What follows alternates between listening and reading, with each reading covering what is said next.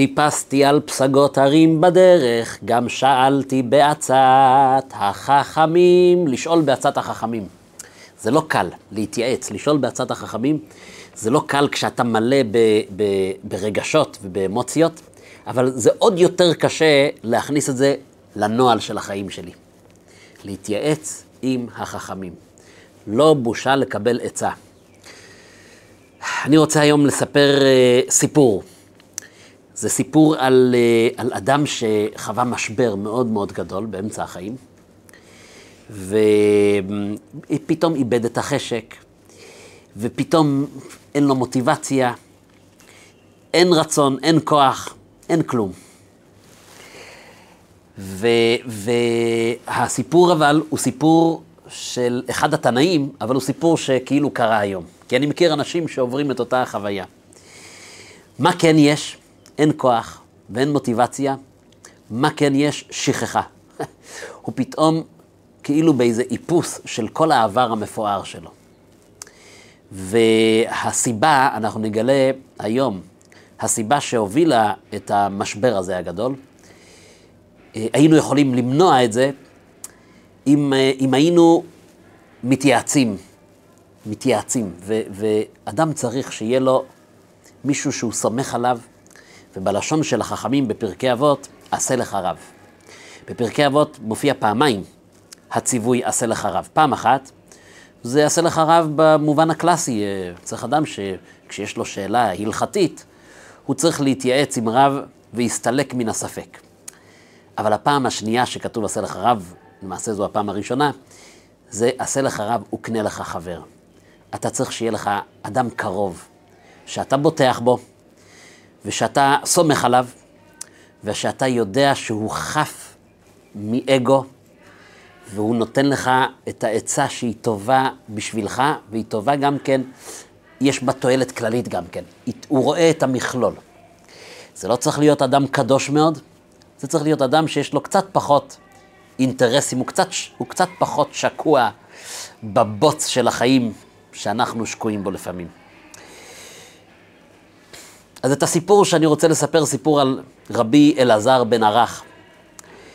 אבל אולי כהקדמה לפני הסיפור, קצת בואו ניכנס קצת אל התקופה, בואו ניכנס קצת אל הדמויות, ו, ובסוף אנחנו נראה שוב שהמסר הוא מסר שאל תתבייש לבקש עצה טובה. ואפילו יותר חכם ויותר חזק לחפש מישהו שאתה מוכן להיצמד אליו. עשה לך רב וקנה לך חבר. רב שהוא גם כן יכול להיות כמו חבר. רב שאתה מרגיש שאתה יכול להתייעץ איתו. אדם שהוא לא בהכרח עונה על התואר רב שלמד הסמכה לרבנות, לא. העשה לך רב הזה של המשנה הוא אדם שאתה מרגיש קשר מספיק קרוב ופתוח איתו, ואתה יודע שהוא יהיה אובייקטיבי איתך. והוא ייתן לך עצה בראייה קצת יותר כללית. אז בואו ניכנס אה, לסיפור אני רוצה להתחיל לא עם רבי אלעזר, שהוא נושא הסיפור שלנו היום, אני רוצה להתחיל עם הרבי שלו. הרבי של רבי אלעזר, קראו לו רבן יוחנן בן זכאי. עכשיו, רבן יוחנן בן זכאי הוא דמות פלאית ממש. עד כדי כך שבתלמוד כשרוצים לספר את הסיפור של רבן יוחנן בן זכאי, משווים אותו, שימו לב, למשה רבינו. אומרים שמשה רבינו חי 120 שנה, וכמותו היו עוד כמה בודדים שחיו מספר שנים זהה לזה של משה, כמו למשל רבי עקיבא, שחי בתקופה קצת יותר מאוחרת, ואחד מהם רבן יוחנן בן זכאי. 40 שנה עסק במסחר, 40 שנה היה בעסקנות ציבורית ולמד, ו-40 שנה לימד. כמו משה רבינו, שהחיים שלו גם מתחלקים ל-40, 40, 40. 40 שנה בארמון של פרעה, 40 שנה נאלץ לברוח למדיין, ו-40 שנה הנהיג את עם ישראל. זאת אומרת, רבן יוחנן בן זכאי מקבל כאן אה, איזשהו תואר מאוד מיוחד, וזה לא סתם. ודרך אגב, התואר רבן יוחנן הוא גם כן מאוד יוצא דופן, כי התואר רבן ולא רבי שמור לשושלת נשיאי ישראל. ורבן יוחנן בן זכאי, שלא היה מהשושלת הזאת, הוא קיבל את התואר הזה המיוחד, ולא סתם, ולא בכדי. רבן יוחנן בן זכאי חי בתקופה, בתקופה אולי אה, אה, הכי מאתגרת, תקופת חורבן הבית השני. זאת אומרת, הוא היה, הוא היה המנהיג בזמן שבו עם ישראל חווה את אחד המשברים הגדולים, שואה, שאחר כך עוד הלכה וגדלה בדור שבא אחריו, הדור של רבי עקיבא ודיכוי מרד בר כוכבא, אבל הוא בהחלט יושב בתקופה היסטורית בתפר של חורבן בית המקדש, והוא, רבן יוחנן, היה צריך להציל את היהדות, שהייתה קרובה לייאוש ואובדן, אובדן דרך. אז הוא, רבן יוחנן בן זכאי, כשיש לו בעיות מבית, וכמובן בעיות מבחוץ, היות שיש מצור על העיר, ומתוך הבית יש את הסיקריקים שאמרו, אנחנו הולכים פה למלחמה, להתאבדות. אלה נמצאים מבפנים, והוא, רבן יוחנן, מנסה להציל איכשהו את מה שעוד אפשר. יש סיפור בתלמוד, סיפור מדהים, איך שבדרך לא דרך, הוא התחפש למת, עשה את עצמו למת. בדרך לדרך הוא יוצא החוצה מהעיר ירושלים כדי לבוא לאיזושהי הידברות עם הרומאים. והמפגש הזה, סיפור מדהים, איך שהמפגש הזה מתגלגל והוא מצליח להציל. מה הוא מצליח להציל? הוא מבקש, תן לי יבנה וחכמיה. הוא ידע שאת ירושלים הוא כבר לא יוכל להציל מהם, אבל הוא אומר, לפחות תנו לי את המרכז, המרכז התורני, הלימודי, התלמודי של יבנה, לפחות שם, אל תיגעו בעיר יבנה. והוא מעביר בחוכמתו את מרכז החיים ליבנה, ומצליח בעצם כך לשמר, ממש לשמר, את כל היהדות, את כל התורה שלא תשתכח. זה רבן יוחנן בן זכאי, אבל מעניין שבמסכת פרקי אבות יש ביטוי שכל הזמן חוזר על עצמו. הוא היה אומר, הוא היה אומר, הוא היה אומר. המפרשים אומרים שכשאתה פוגש תנא ואתה פוגש פרקי אבות, אומר עליו, הוא היה אומר, הרי כל אחד מהתנאים הם היו גדולים וענקים. היו אנשים שהנחילו לנו את התרבות ואת הרוח, את, המשנה, את המשניות, תורה שבעל פה.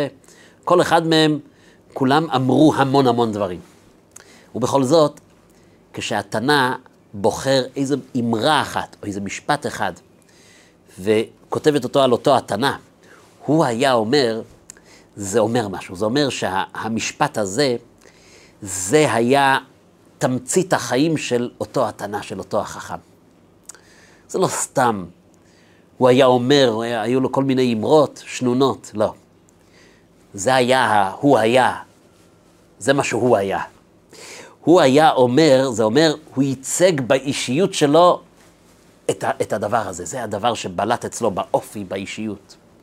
אז כשהמשנה מגיעה לרבן יוחנן בן זכאי, זה מאוד מרתק, שהיה מנהיג בקנה מידה, מבחינה היסטורית, הציל את היהדות. מה הוא היה אומר? מה הוא היה אומר שלו? הוא היה אומר כך, שימו לב, רבן יוחנן בן זכאי קיבל מהלל ושמאי. קצת להסביר מי זו הדמות יוצאת הדופן. בית הלל ובית שמאי, הלל ושמאי הם תמיד ברי הפלוגתא. אבל היה להם תלמיד אחד שהצליח לקחת גם מהלל וגם משמאי, והצליח בדמות שלו לאחד את כל הקצוות. אז בהחלט מנהיג בעל שיעור קומה והצליח להעמיד את התורה ואת היהדות באמצעות התקנות שהוא התקין ביבנה, תקנות שעד היום אנחנו מקיימים אותן, כדי שהמרכז הרוחני, התרבותי של עם ישראל, יצליח לשרוד את הגלות, את החורבן. כי עד אז הכל קורה בירושלים, בבית המקדש. והוא מתקין תקנות שגורמות ליהדות להמשיך ולהתקיים בבתי הכנסת, בבתי המדרש, באמצעות קיום המצוות, גם כן אה, בתנאים של גולה, של חורבן. זה רבן יוחנן בן זכאי. מה הוא היה אומר? זאת אומרת, מי הוא רבן יוחנן בן זכאי? מה, מה, מה האישיות שלו? אם היית רואה את רבן יוחנן בן זכאי, מה הוא צועק? מה, מה האופי שלו וההנהגה שלו, מה הוא צועק? שימו לב, אם למדת תורה הרבה, אל תחזיק טובה לעצמך, כי לכך נוצרת.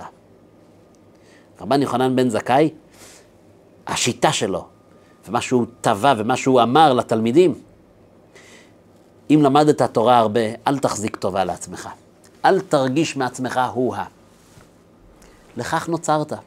אתה בסך הכל ממלא את הייעוד שבשבילו נוצרת. מדהים. תעשה את מה שצריך לעשות. אומרים את הפתגם באנגלית, you gotta do what you gotta do.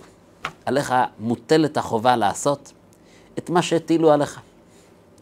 ואדם נוצר בשביל לבצע שליחות מסוימת. אל תחזיק טובה לעצמך, לכך נוצרת. אתה בסך הכל ממלא את הייעוד שלך. זה במידה ואתה ממלא את הייעוד שלך. אל תחזיק טובה לעצמך. לכך נוצרת. טוב. על הרקע של הגדלות של רבן יוחנן בן זכאי, אנחנו מגיעים אל התלמיד שלו, שהוא רבי אלעזר בן ערך. היו לו חמישה תלמידים. רבי אליעזר בן אורקנוס, רבי יהושע בן חנניה, שני אלה, רבי אליעזר ורבי יהושע, אנחנו נפגוש אותם במשניות המון. הם ברי פלוגתא רבי אליעזר ורבי יהושע. רבי יוסי הכהן, רבי שמעון בן נתנאל, ורבי אלעזר בן ערך. ורבן יוחנן בן זכאי היה מונה את השבח של כל אחד מהם. זאת אומרת, על כל אחד הוא אמר מה, במה הוא מיוחד. עכשיו, כמובן שזה לא סתם שרבן יוחנן בן זכאי אה, מונה את שבחם, שהיה צריך לכתוב אה, פתק להורים. אה, אליעזר בשיעור התנהג מאוד יפה, ואני רואה בו מעלות. זה לא היה סתם פתק להורים. למה הוא היה מונה את שבחן? המפרשים אומרים שהוא היה אה, כזה פדגוג, כזה איש חינוך, שהוא זיהה אצל כל אחד מהתלמידים מה המיוחדות שלו.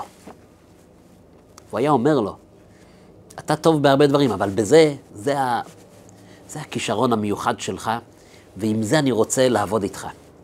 מהם השבחים שהוא שיבח? רבי אליעזר, הוא אמר עליו, בור סוד שאינו מאבד טיפה. זיכרון מדהים. הוא כמו בור של מים, אבל הבור מטויח טוב. זה בור שלא מאבד טיפה. כל מה שהוא שומע, הוא זוכר. רבי אליעזר צמח לתוך הדמות הזאת של בור סוד שאינו מאבד טיפה, עד כדי כך שבכמה מקומות מבקשים ממנו רבי אליעזר, תפסוק לנו הלכה. והוא אומר, את זה לא שמעתי מהרבי שלי.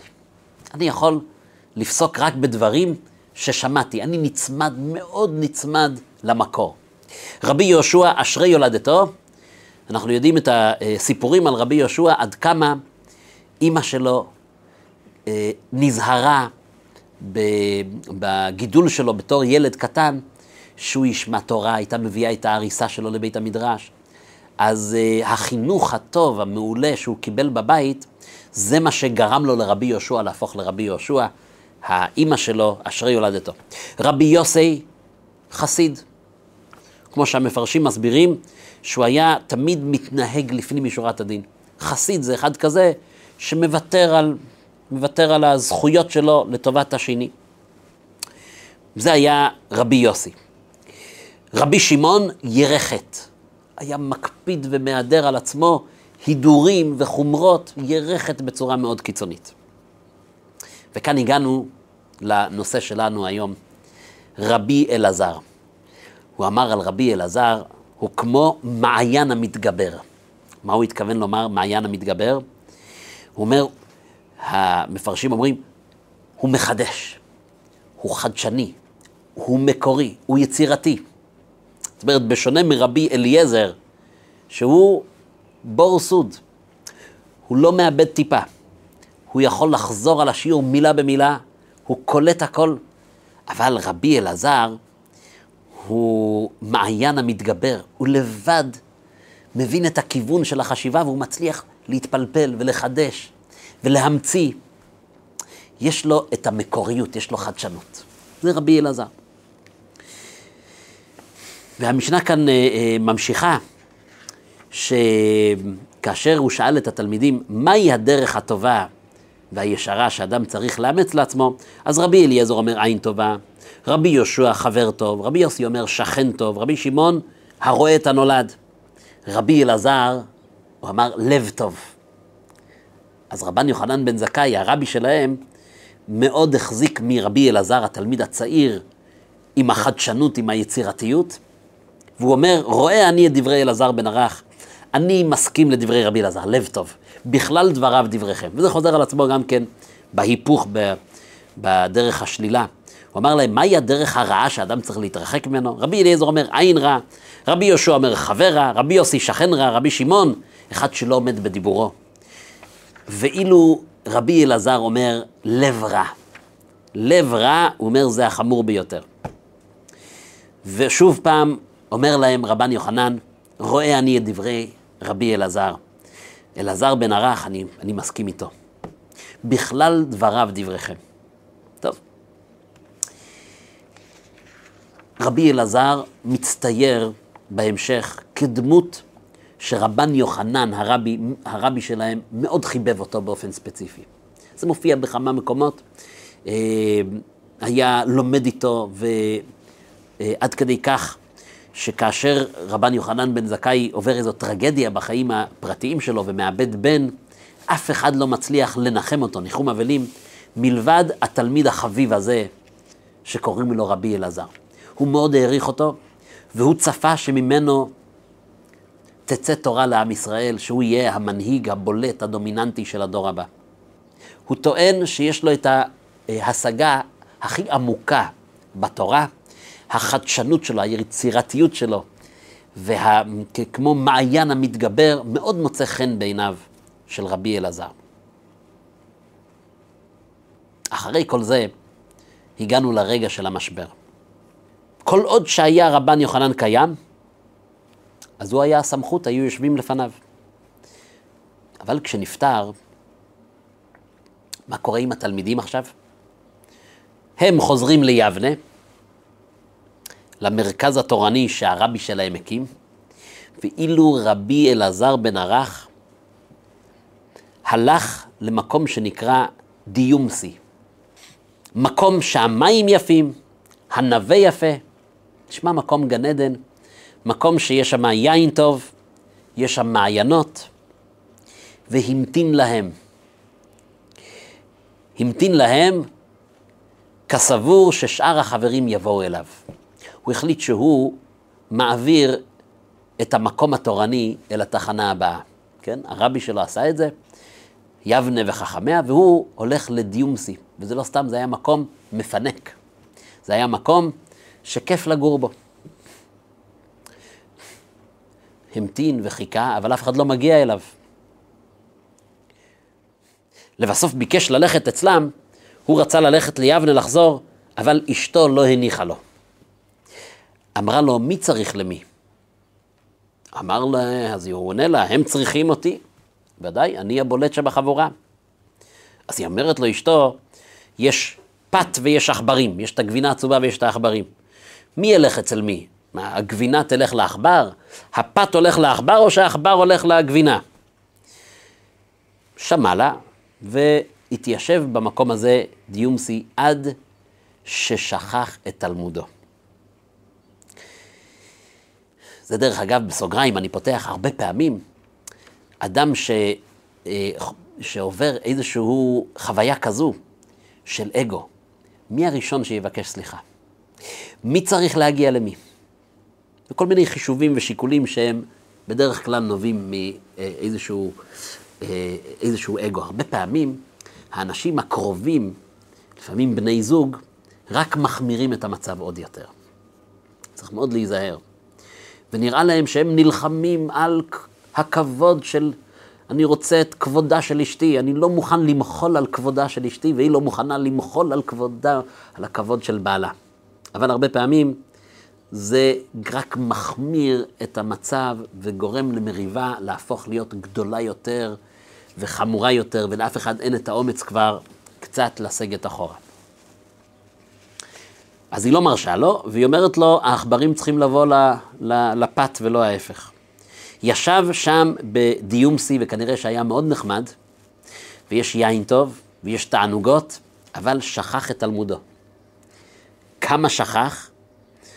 זה כבר ההמשך. מסכת שבת זה מופיע. שכח את תלמודו עד כדי כך, שכשהתלמידים נזכרו בו והלכו לחפש מה קורה איתו, אחר ימים רבים באו אצלו. וכשהם שואלים אותו איזה עניין בהלכה, הוא לא יודע כל כך לענות. ואז מכבדים אותו בעלייה לתורה. תעלה לתורה. הנוהג אז היה, אדם שכיבדו אותו לעלות לתורה, הוא לא רק אומר את הברכות, אלא הוא גם כן הופך להיות החזן של בית הכנסת, הוא בעצמו קורא בתורה. הפרשה הייתה פרשת החודש הזה לכם בספר שמות, פרשת בו. אבל כשהוא התחיל לקרוא, האותיות התבלבלו לו. ובמקום לומר החודש הזה לכם, הוא התחיל לקרוא בתורה ואמר, החרש היה ליבם. מי שמדמיין קצת את אותיות הסתם בספר התורה, יכול להבחין שאפשר לעשות את הטעות. החודש, הדלת יכולה להיראות כמו ריש, החרש היה ליבם. לא לכם, אלא ליבם. החרש היה ליבם. והחברים אומרים לו, תראה כמה סמלי. במקום החודש הזה לכם, החבר שהיה הכי מחדש בתורה, נהיה חירש היה ליבם. הלב נהיה לב אטום וחירש. שכחת הכל. התלמוד מספר שהם התפללו עליו, היו בוכים ומתפללים עליו, כדי שייזכר עד שיש גרסה שאומרת, אליהו הנביא החזיר לו את תלמודו. הוא מרתק, שהתלמוד מסיים, שהוא, כשהוא חזר לעצמו, הוא אמר עוד משנה, והיא גם מופיעה במסכת אבות. ולדעת התלמוד במסכת שבת, שם בדף קקמ"ז, מה שיש לנו בפרק ד', תנא בשם רבי נהוראי. מתלבטים, מי זה רבי נהוראי? כי לא מצאנו אותו כל כך, את השם הזה. אז אה, יש ויכוח, מי זה? לפי דעת התלמוד, רבי נהוראי זה רבי אלעזר. שלמה הוא נקרא נהוראי? למה הוא נקרא רבי נהוראי? כי נהוראי זה מלשון אור. הוא היה מאיר את העיניים של החכמים, הוא היה חדשן, הוא היה, הוא היה גדול מאוד. אבל מה הוא אומר? שימו לב, אם זה רבי אלעזר, מובן מה, מה, מה המשפט השני שהכניסו בשמו כאן בפרקי אבות. אומרים כך, אומר רבי נהוראי, שהוא רבי אלעזר, הווה גולה למקום תורה, ואל תאמר שהיא תבוא אחריך. אל תחכה שיבואו אליך. אתה הווה גולה למקום תורה. אל תאמר שהיא תבוא אחריך, שחבריך יקיימוה בידיך. אל תחשוב שחבריך שגלו למקום תורה, אל תסמוך עליהם שהם הם יחזיקו אותך מעל המים, כמו שקרה איתו. החברים באו והוציאו אותו מהמצב הזה שהוא הגיע לסוג של משבר ומין שכחה, איפס את עצמו. והם התלמידים היו צריכים לבוא ולהחזיר אותו. לא, אל תסמוך על זה. אל תסמוך על זה. ואז הוא מסיים, ואל בינתך אל תישען. זה רבי נהוראי שהוא רבי אלעזר. אני איבדתי את המשענת שלי. היה לי רבי, רבן יוחנן בן זכאי. וכשהוא רבן יוחנן בן זכאי נפטר, הרגשתי שזהו. אני עכשיו החכם הגדול ביותר. אז אני כבר לא צריך את המשענת הזאת של מישהו שאני יכול להישען עליו. נשענתי אל בינתי ונחוויתי. ולכן הוא אומר, אל בינתך אל תישען. זה מה שהוא מסיים, רבן יוחנן, רבן, רבי, אלי, רבי אלעזר בן ערך, אל בינתך אל תישען.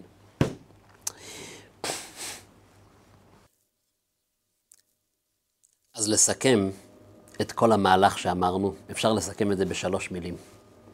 עשה לך רב.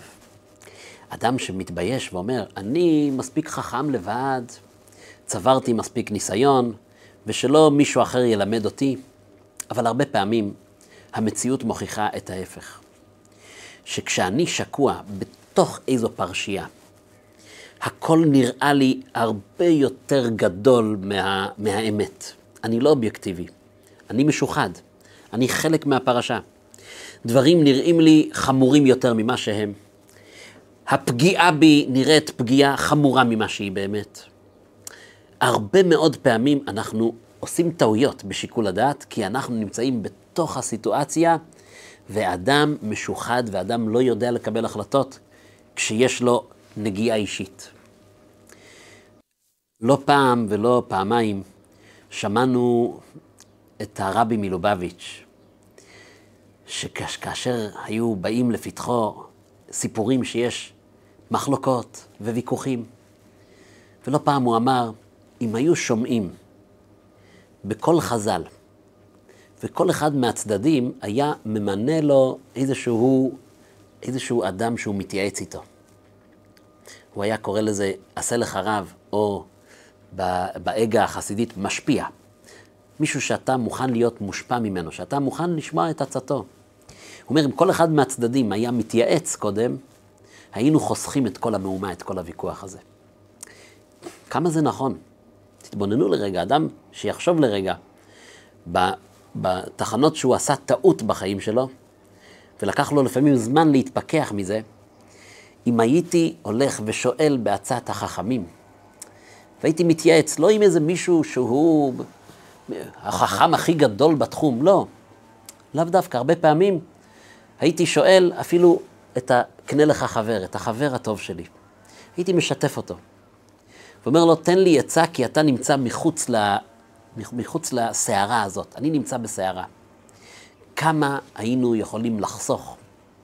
כמה מריבות, כמה סכסוכים, כמה מחלוקות, אם היינו מקיימים את העצה הזאת של, של עשה לך רב.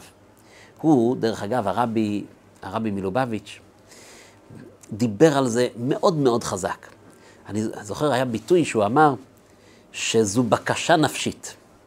שהוא מבקש בקשה נפשית, ככה היה הביטוי, שכל אחד ייקח לעצמו איזה אדם ויגיד לו, אני ממנה אותך שאתה תהיה העשה לך רב שלי.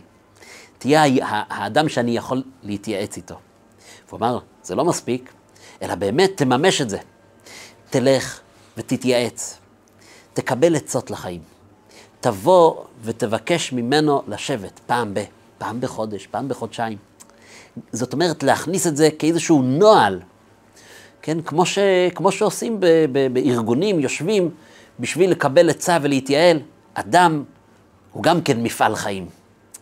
האם אני עומד בציפיות שלי מעצמי? האם אני צריך להוסיף? מה אני יכול להוסיף? לך לבן אדם שהוא קרוב אליך מספיק, ותמנה אותו להיות העשה לך רב. עשה לך רב וקנה לך חבר. של, של מסכת אבות. הוא אומר, זה כל כך יכול להקל לפעמים את החיים, כי אדם, לא רק, ב, לא רק בסיטואציות, ודאי שבסיטואציות שאדם צריך לקבל החלטה, זה כל כך יכול להקל עליו, שהוא ניגש למישהו והוא מלבן איתו את הסוגיה. עוד מישהו שומע את זה. הרבה פעמים יצא לי בחיים שלי לשמוע מה, מהאדם שאני מתייעץ איתו, הוא אומר, תשמע, אתה כמו, לפעמים כשהאצבע של הזרת, שהיא הכי קטנה, כשהיא קרובה לעין, היא נראית כמו הר. אומר, אתה נמצא בתוך מין קלחת כזו, בתוך סערת רגשות. הצורה שבה תיארת לי את הסיטואציה רק מעידה כמה אתה לא רואה את הדברים בצורה אובייקטיבית נכונה. הכל נראה לך עכשיו כמו הר, וההחלטות שאתה רוצה לקבל, הם רק, אה, הם רק יביאו לאסון עליך ועל הסיטואציה. ואם תשמע בעצתי, תחכה יומיים, ואחרי יומיים אתה תשמע מה ש... ותעשה א' וב' וג', והדברים תמיד הוכחו כנכונים. עשה לך רב זו העצה הכי מדהימה שחז"ל נותנים לנו לא רק בצמתים של קבלת החלטות, ששם זה הכי בולט, אלא גם באדם שרוצה באמת לממש את עצמו בצורה מקסימלית, הוא צריך לשמוע בעצת החכמים ולא להתבייש. לקבל עצה מעצת החכמים. אז אני רוצה לסיים את השיעור עם אגדה, עם סיפור מהמדרש, שכמובן יש לו גם מוסר השכל בכיוון שלנו, ועוד קודם שאני אקרא את הסיפור, אנחנו מנסים כל שבוע להעלות איזשהו תוכן עם מוסר השכל לחיים, ואני ממליץ לכל אחד להירשם כמנוי. זה מאוד קל, מתחת לוידאו אפשר ללחוץ על הכפתור הרשמה, אתם תהיו הראשונים שמקבלים אה, תוכן חדש שעולה ליוטיוב. אז הסיפור הוא סיפור על הדור הבא של התנאים, הלא הוא רבי עקיבא. רבי עקיבא היה כבר תלמיד של רבי אליעזר ורבי יהושע, זאת אומרת דור אחד אחרי רבי אלעזר. והתלמוד מספר איזשהו מדרש על uh, מין עליית נשמה שהייתה למי? למשה רבינו. כך מספר, כך מספר את התלמוד, זה במסכת מנחות, בדף כ"ט. בשעה שעלה משה למרום, משה רבינו עולה 40 יום להר סיני, מצאו לקדוש ברוך הוא שיושב וקושר כתרים על האותיות. זאת אומרת, הקדוש ברוך הוא כאילו משתעשע עם האותיות של ספר התורה. הוא כאילו קושר על האותיות סרטים וכתרים. אמר משה רבינו לקדוש ברוך הוא, לריבונו של עולם, מה עם אלו הכתרים? מה זה הקשרים האלה שאתה קושר כתרים על האותיות? עונה לו הקדוש ברוך הוא, אדם אחד יש, שעתיד להיות בסוף כמה דורות, ועקיבא בן יוסף שמו. והוא עתיד לדרוש על כל קוץ וקוץ. יש בספר התורה אותיות ויש בתגים, יש את הקוצים האלה, הכתרים. הוא הולך לדרוש על כל קוץ תילי תילין של הלכות. אומר, כזה ענק יש, עוד כמה דורות, רבי עקיבא. הוא ידרוש דרשות על התורה, מדהים. אומר משה לקדוש ברוך הוא, ריבונו שלם, הראו לי, אני רוצה שתשים אותי בתוך חללית, מנהרת הזמן, תטיס אותי לשם, אני רוצה לראות במו עיניי את הדבר הנפלא הזה. אמר לו, אומר לו, הראו לי, אז הקדוש ברוך הוא מסכים לזה. אמר לו, בבקשה, חזור לאחורך, ומשה רבינו מוצא את עצמו פתאום בדור עתידי. מה זה דור עתידי? יותר מ-1300 שנה קדימה. ולאן הוא מגיע? הוא מגיע לבית המדרש שרבי עקיבא מלמד תורה. והוא רואה שם שיושבים שורות שורות. השורה הראשונה זה אלה שהם מתקדמים יותר, חשובים יותר, מתפלפלים יותר. שורה שנייה, שורה שלישית, ככה שבע שורות של לומדים יושבים, ורבי עקיבא מרצה להם הרצאה. הוא, משה רבינו, נחת שם בבית המדרש, הוא התיישב בסוף שמונה שורות, בשורה השמינית. והוא מקשיב לשיעור, ולא היה יודע מה הם אומרים. הוא שומע אותם מתווכחים ומתפלפלים, ורבי עקיבא נותן, והם עונים לו. פלפול של גמרא, ומשה רבינו לא מבין על מה, על מה הוויכוח, מה הנושא. תשש כוחו. משה רבינו הרגיש לרגע תשישות כוח. הוא לא מבין את השיעור. כיוון שהגיע לדבר אחד, רבי עקיבא בהרצאה שלו, בשיעור שלו, מגיע לאיזה דבר הלכה, אמרו לו תלמידיו, רבי מניין לך, מאיפה אתה לוקח את ההלכה הזאת? נהיה שקט. במקום להתפלפל איתם, אמר להם רבי עקיבא, זו הלכה למשה מסיני. זה קיבלנו במסורת ממשה רבינו, זה עבר מדור לדור, על זה אין ויכוח. נתיישבה דעתו, משה רבינו שמע הלכה למשה מסיני, אז הוא חזר לעצמו. יש בהמשך, איך שמשה רבינו אומר לקדוש ברוך הוא, תיתן את התורה על ידי עקיבא בן יוסף, הוא גדול ממני. ואמר לו הקדוש ברוך הוא, שתוק, כך עלה במחשבתי. זאת אומרת, רבי עקיבא הוא גם כן, דרך אגב, אמרנו, שייך לאותם החכמים של 120 שנה. מה יש כאן בסיפור הזה? מה רוצים חז"ל ללמד אותנו בסיפור הזה עם מנהרת הזמן ועם משה רבינו?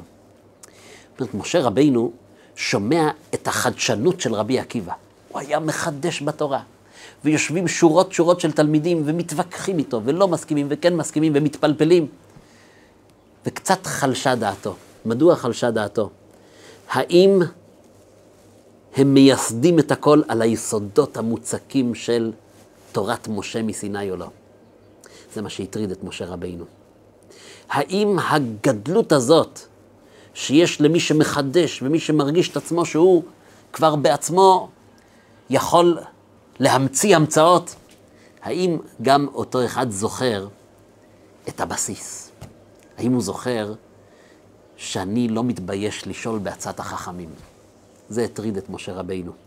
ברגע שהוא שמע שהשיעור כולו שואלים ושואלים ושואלים, ועד שמגיעים ליסוד, ואומר רבי עקיבא, זו הלכה למשה מסיני. במילים אחרות, יש כאן יסודות של מסורת עתיקה עם החדשנות. יש כאן גם כן בור סוד שאינו מאבד טיפה, אבל יש גם כן את הרוח של החדשנות של רבי אלעזר כמעיין המתגבר. או, זה שלמות. הלכה למשה מסיני, ועל זה אני בניתי את כל השיעור שלי. אני לא מתבייש לומר, כאן זה לא חידוש שלי, כאן אני מושתת על הדורות הקודמים.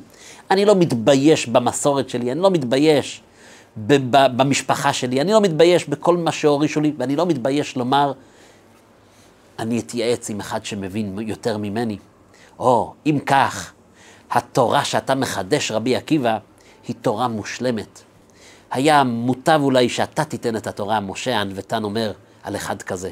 אם כן, השילוב שנדרש בחיים שלנו, גם כן אם אתה היצרן הגדול, וגם אם אתה בעל הניסיון הגדול, והחדשן הגדול, וגם אם בתחום מסוים אתה מבין שאתה הגדול ביותר, עדיין צריכים קצת ענווה של עשה לך רב, קנה לך חבר, אל תתבייש לה, לה, לה, להתייעץ, ואל תתבייש לומר, יש לי את כל מה שיש לי מושתת על יסודות של ענקי ענקי רוח, שהם היו אפילו גדולים ממני. אל תתבייש לומר, הכל מושתת על אמת, שהיא יציבה והיא שורדת את כל ההיסטוריה. זה המשפט האמיתי והעומק של דברי חז"ל. עשה לך רב וקנה לך חבר, ועל זה אנחנו צריכים לקחת את זה לחיים שלנו, לאמץ מישהו, להתייעץ איתו, ונראה מזה רק ברכה והצלחה בחיים.